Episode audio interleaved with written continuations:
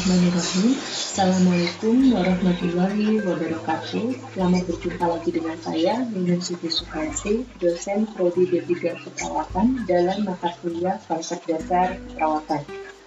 Kali ini saya akan membahas tentang paradigma keperawatan yang merupakan kelanjutan dari pokok bahasan falsafah keperawatan yang sebelumnya. Apakah yang Anda ketahui tentang paradigma? Secara umum, paradigma diartikan sebagai cara pandang, melihat, memikirkan, memaknai, menyikapi, serta memilih tindakan atas masalah atau fenomena yang ada. Paradigma keperawatan adalah cara pandang secara global yang dianut atau dipakai oleh mayoritas kelompok keperawatan atau menghubungkan berbagai teori yang membentuk suatu susunan yang mengatur hubungan di antara teori guna mengembangkan model konseptual dan teori-teori keperawatan sebagai kerangka kerja keperawatan. Dan tentunya masih banyak lagi definisi paradigma keperawatan yang lainnya. Bagaimana paradigma keperawatan dibangun atau disusun atas dasar unsur apa saja? Paradigma keperawatan terbentuk atas empat unsur, yaitu manusia atau klien, lingkungan, kesehatan, dan keperawatan. Keempat unsur atau elemen ini saling berhubungan dan mempengaruhi satu dengan yang lainnya. Keperawatan merupakan unsur pertama dalam paradigma keperawatan, yang berarti suatu layanan kesehatan profesional Keperawatan pada masa sekarang ini merupakan suatu seni dan ilmu yang mencakup berbagai aktivitas, konsep, dan keterampilan yang berhubungan dengan berbagai disiplin ilmu lain. Keperawatan mempunyai fungsi yang unik, yaitu membantu individu, baik sehat maupun sakit, yang ditampilkan dengan melakukan kegiatan yang berkaitan dengan kesehatan, penyembuhan penyakit, bahkan membantu klien mendapatkan kematian yang damai. Hal ini dilakukan untuk membantu klien mendapatkan kembali kemandiriannya secepat mungkin. Layanan keperawatan adalah bagian yang tidak terpisahkan dari profesi kesehatan dalam memberikan layanan kesehatan kepada pasien. Sebagai bagian integral dari layanan kesehatan, kedudukan perawat dengan profesi kesehatan lain, misalnya dokter, adalah sama, yakni sebagai mitra. Ini tentunya juga harus diiringi dengan pengakuan dan penghormatan terhadap profesi perawat. Lalu, siapa saja yang bisa disebut sebagai perawat? Masyarakat awam menganggap perawat adalah orang yang bekerja di rumah sakit atau puskesmas dengan mengenakan seragam putih-putih. Ada pula yang mengatakan bahwa perawat adalah orang yang bekerja sebagai pembantu dokter tetapi berdasarkan keputusan Menteri Kesehatan RI nomor 647 garis miring Menkes garis miring SK garis miring 4 garis miring 2000 tentang registrasi dan praktik keperawatan yang kemudian diperbarui dengan keputusan Menteri Kesehatan RI nomor 1239 garis miring SK garis miring 11 garis miring 2001 dijelaskan bahwa perawat adalah orang yang telah lulus dari pendidikan perawat baik di dalam maupun di luar negeri sesuai dengan ketentuan peraturan dan perundang-undangan yang berlaku. Selanjutnya, perawat adalah suatu profesi yang mandiri yang mempunyai hak untuk memberikan layanan keperawatan secara mandiri dan bukan sebagai profesi pembantu dokter. Manusia dalam konsep paradigma keperawatan merupakan unsur yang kedua, dipandang sebagai individu yang utuh dan kompleks atau makhluk holistik yang terdiri dari bio, psiko, sosial, dan spiritual. Manusia dipandang sebagai makhluk hidup atau biologis karena manusia mempunyai ciri-ciri yang pertama adalah terdiri atas kumpulan organ tubuh. Yang kedua, manusia itu berkembang biak. Dan yang ketiga, manusia mempertahankan kelangsungan hidupnya. Kemudian manusia sebagai makhluk psiko, Manusia mempunyai sifat-sifat yang tidak dimiliki oleh makhluk lain.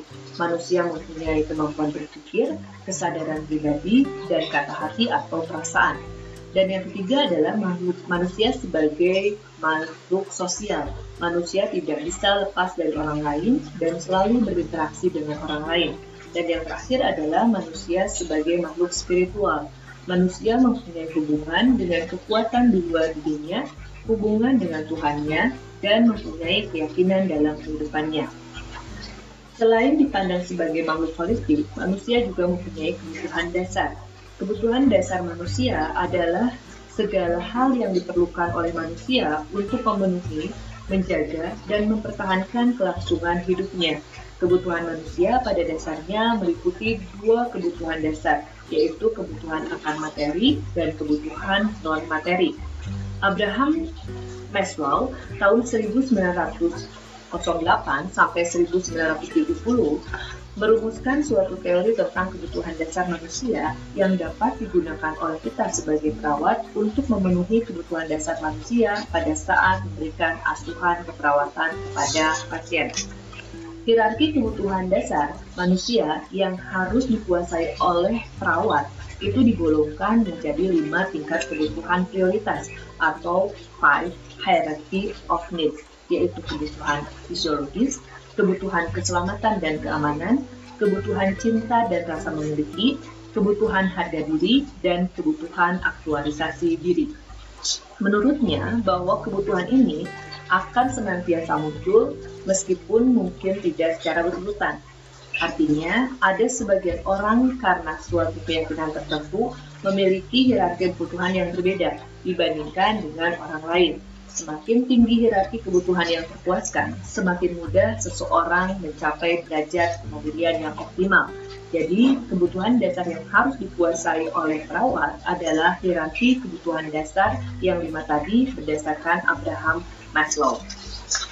Kemudian, unsur yang ketiga adalah konsep sehat sakit. Pada umumnya, masyarakat beranggapan bahwa sehat adalah tidak sakit, Maksudnya, apabila tidak ada gejala penyakit yang terasa, berarti tubuh kita sehat.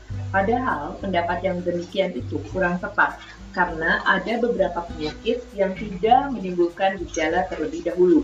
Setelah penyakit cukup parah, baru muncul atau menimbulkan gejala seperti beberapa penyakit kanker yang baru diketahui setelah stadium lanjut.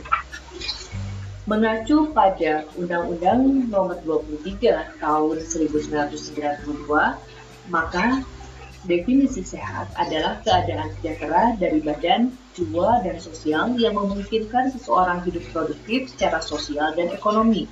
Dalam pengertian ini, maka kesehatan harus dilihat sebagai suatu kesatuan yang utuh, terdiri dari unsur-unsur fisik, mental, dan sosial, dan di dalamnya kesehatan jiwa merupakan bagian integral dari kesehatan. Bagaimana ciri-ciri seseorang dikatakan sehat? Sehat itu adalah meliputi kesehatan fisik terwujud apabila seseorang tidak merasa atau mengeluh sakit yang kedua adalah kesehatan mental atau jiwa, mencakup tiga komponen, yakni pikiran, emosional, dan spiritual. Dan selanjutnya adalah kesehatan sosial, terwujud apabila seseorang mampu berhubungan dengan orang lain. Dan yang keempat adalah kesehatan dari aspek ekonomi, terlihat bila seseorang itu adalah produktif, dalam arti mempunyai kegiatan yang menghasilkan sesuatu yang dapat mencokong terhadap hidupnya sendiri atau keluarganya secara finansial.